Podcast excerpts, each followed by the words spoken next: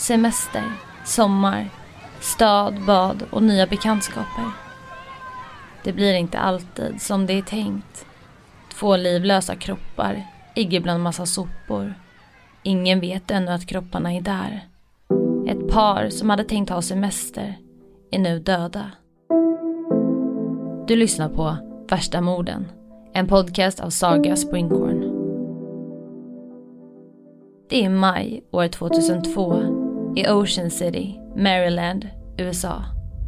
Gatorna är fulla av turister. En lång strand på flera kilometer lokaliserad precis bredvid staden. Ett perfekt ställe för de som vill ha två världar. Shopping, nöjen, sol och bad. Hit har paret Benjamin och Erika åkt. Paret träffade varandra i college. Deras förälskelse var drastisk, passionerad och ung och redan efter tre månader åkte de till Las Vegas och gifte sig. Båda var vid den tidpunkten 20 år. Benjamin var allt Erika önskat sig och vice versa. I Erikas yngre år hade hon varit framgångsrik inom basketen. Hennes pappa hade byggt en basketplan inomhus för att hans dotter skulle bli bäst. Hon satte höga krav på sig själv. Innan hon kunde gå och äta middag tillsammans med familjen var hon tvungen att sätta ett visst antal bollar i korgen. Men även om de flesta siade om att Erika i framtiden skulle bli en stor basketstjärna så blev hon inte det. Saker kom emellan och hon och Benjamin blev ett par. Benjamin var liksom sin fru framgångsrik. Han hade studerat till att bli attackdykare för den amerikanska flottan. Under studietiden fick han mottaga flera utmärkelser och var toppstudenten i klassen. Men med tiden fick han inte längre vara kvar inom flottan, bland annat på grund av frånvaro. Istället öppnade han och Erika en klippboksaffär tillsammans där de bodde i Pennsylvania. Men nu var paret på semester tillsammans. De letade ständigt efter nya kickar. När de festade tillsammans så festade de hårt. Deras go-to var alkohol, piller och kokain. Sex av olika slag var också något som gav dem kickar. Men med tiden avtog kickarna från alla substanser. De ville ha något mer. En solig dag i turistiga Ocean City kliver de på en shuttlebuss för att se omgivningarna från bussfönstret. Men när de kliver på har de inte kontanter för att betala för resan. Tur i oturen kliver det då fram en yngre man i 30-årsåldern. Han säger att han kan betala för Benjamin och Erika. Mannen heter Joshua. Han är nyskild och har träffat en kvinna vid namn Marta. En kvinna i 50-årsåldern. Trots den stora åldersskillnaden mellan paret var deras kärlek äkta och passionerad. De hade precis blivit sambos, börjat dona i trädgården och nu var de på sin första semester. En semester som inte riktigt skulle bli som planerat.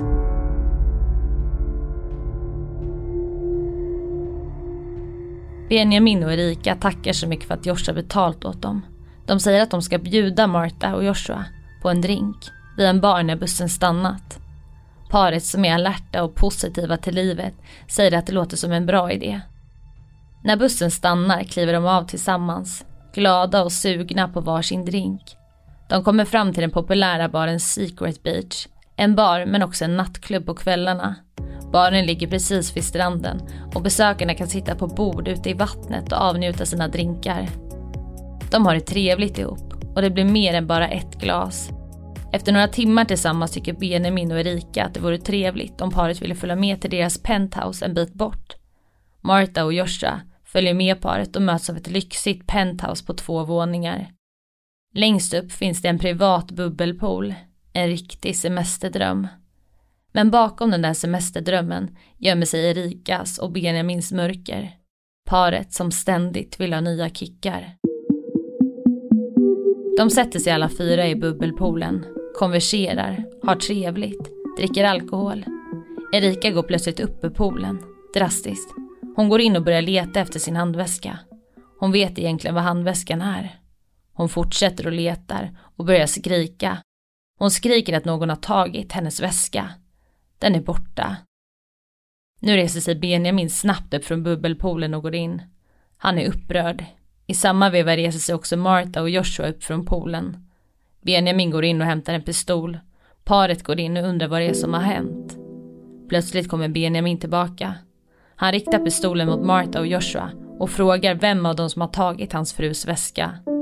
Han viftar hej vilt med pistolen framför dem. Martha och Joshua är förskräckta. Samtidigt ringer Erika polisen. Hon säger att det är människor inne i hennes penthouse. Människor som stulit hennes väska. Worcester 911, do you have emergency? Yes, I have an emergency at my apartment. Um, there are people in my house who I don't know, and my purse is suddenly missing, and I'm afraid I'm going to have robberies here. Okay, people in your apartment at this time? Yes. I'll connect you to the police. Stay on the line. Hey, What? I'm I'm upstairs in a bedroom where they don't know where I am. Okay, I'll connect you to the police. You can tell them, okay? Men samtalet avslutas drastiskt och polisen hinner inte spåra adressen. Kaoset fortsätter. Benjamin viftar med pistolen. Joshua och Martha springer till badrummet och låser in sig. De försöker gömma sig och skydda sig från ett eventuellt skott. Men det de inte tänker på i stundens hetta är att det finns ett fönster som vetter ut mot den stora balkongen. Erika springer till balkongen. Hon tittar in genom fönstret och ser var paret står. Hon berättar för Benjamin vart han ska skjuta för att träffa Joshua. Benjamin skjuter in genom badrumsdörren. Martha skriker och gråter. Benjamin sparkar nu in dörren och det är fortfarande oklart vad som händer nu. Troligtvis är det Erika som slutligen dödar Joshua. Skjuter honom med tre skott till. Joshua faller ner till sin död på badrumsgolvet. Martha fortsätter att skrika och gråta. Den där mannen som hon nyligen träffat och blivit kär i ligger nu död framför henne. Martha kryper upp längs med hennes sambos döda kropp. Benjamin riktar pistolen mot henne. Man vet inte heller exakt vad som har hänt med Martha. Den framtida utredningen pekar på att hon blivit knivhuggen till döds. Kanske också skjuten. Men resten av hennes kropp, som hittas flera dagar senare, ger inga exakta bevis på hur det kan ha gått till. Det ligger nu två döda människor i Erika och Benjamins penthouse. Frågan är bara, vad ska de nu göra med kropparna? Ja, vi stannar upp där. Benjamin och Erika njuter alltså av den här upplevelsen. Det är en ny typ av kick som de länge velat uppleva. För på senare tid har inte drogerna och pillren gett samma typ av kick som de fick förut. Men nu är frågan, de är i en stad full med människor, massa turister som är på semester. Ja, ni vet ju själva hur det kan se ut i sådana här turiststäder. Och dessutom bor de högst upp i ett lyxigt lägenhetskomplex i ett penthouse. Så det är knepigt nu när det finns två kroppar där. Och den enda lösningen som paret ser, det är att de måste stycka kropparna.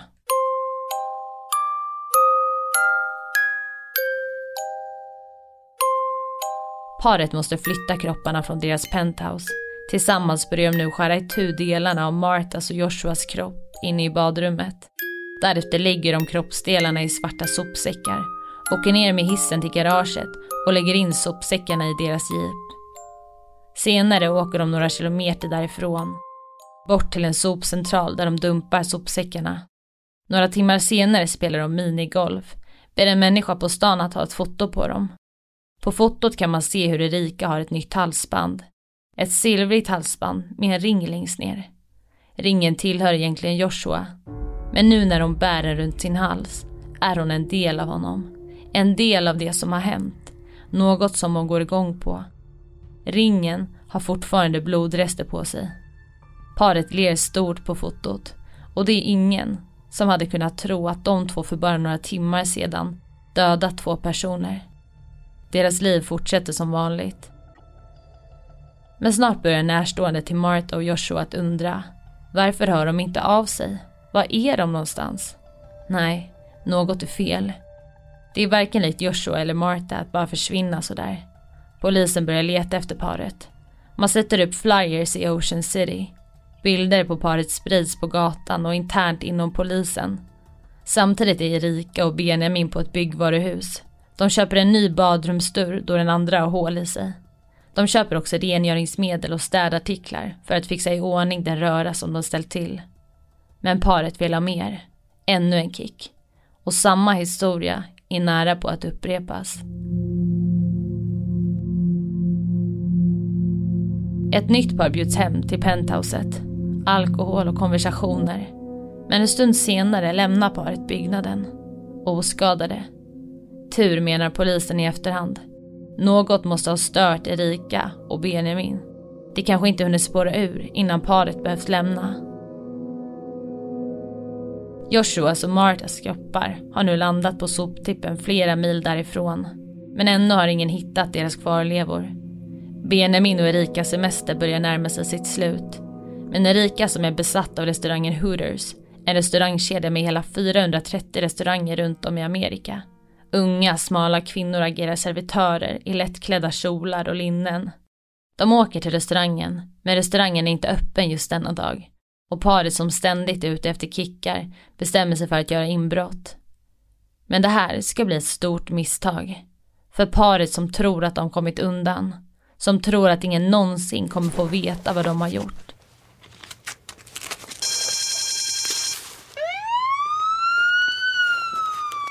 Larmet börjar tjuta och polisen är snabbt på plats. Benjamin och Erika hinner inte fly och när polisen griper dem får Erika panik. Hon säger att hon måste ha sin deo. Deon ligger i hennes väska, men polisen tycker att hennes beteende är märkligt. Det är anmärkningsvärt att hon vill ha deo just precis nu, när hon gripits för inbrott. Polisen bestämmer sig för att ta en titt i väskan. Polisen tror till en början att man tagit fast två inbrottstjuvar. Men nu ska sanningen komma fram.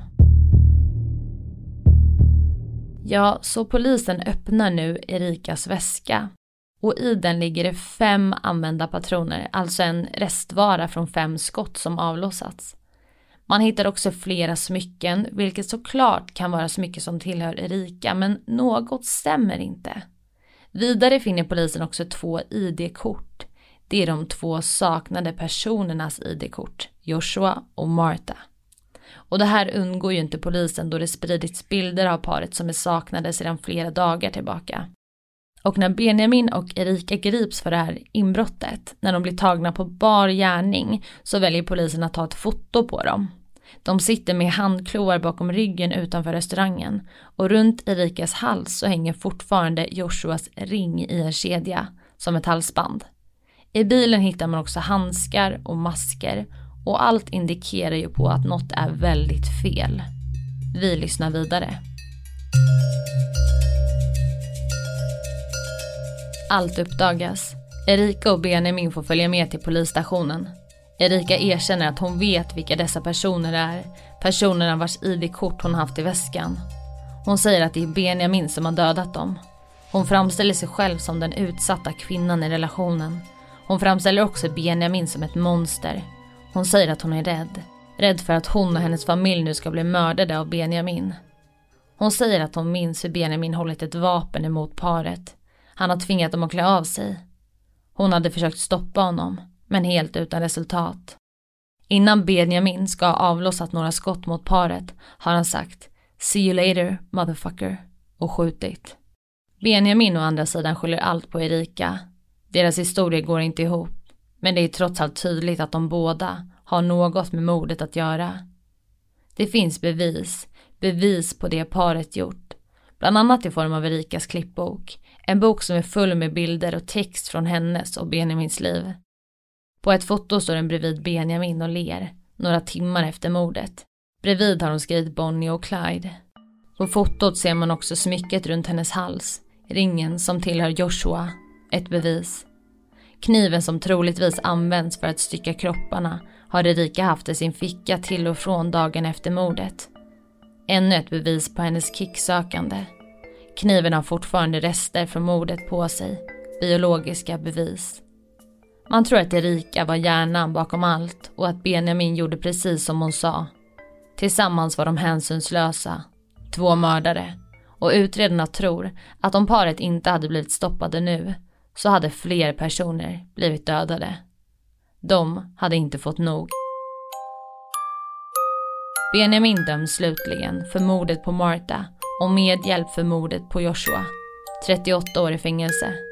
Erika döms för mordet på både Joshua och Martha. Livstid i fängelse plus 20 år. Och det var allt för idag. Tack för att du har lyssnat på dagens avsnitt.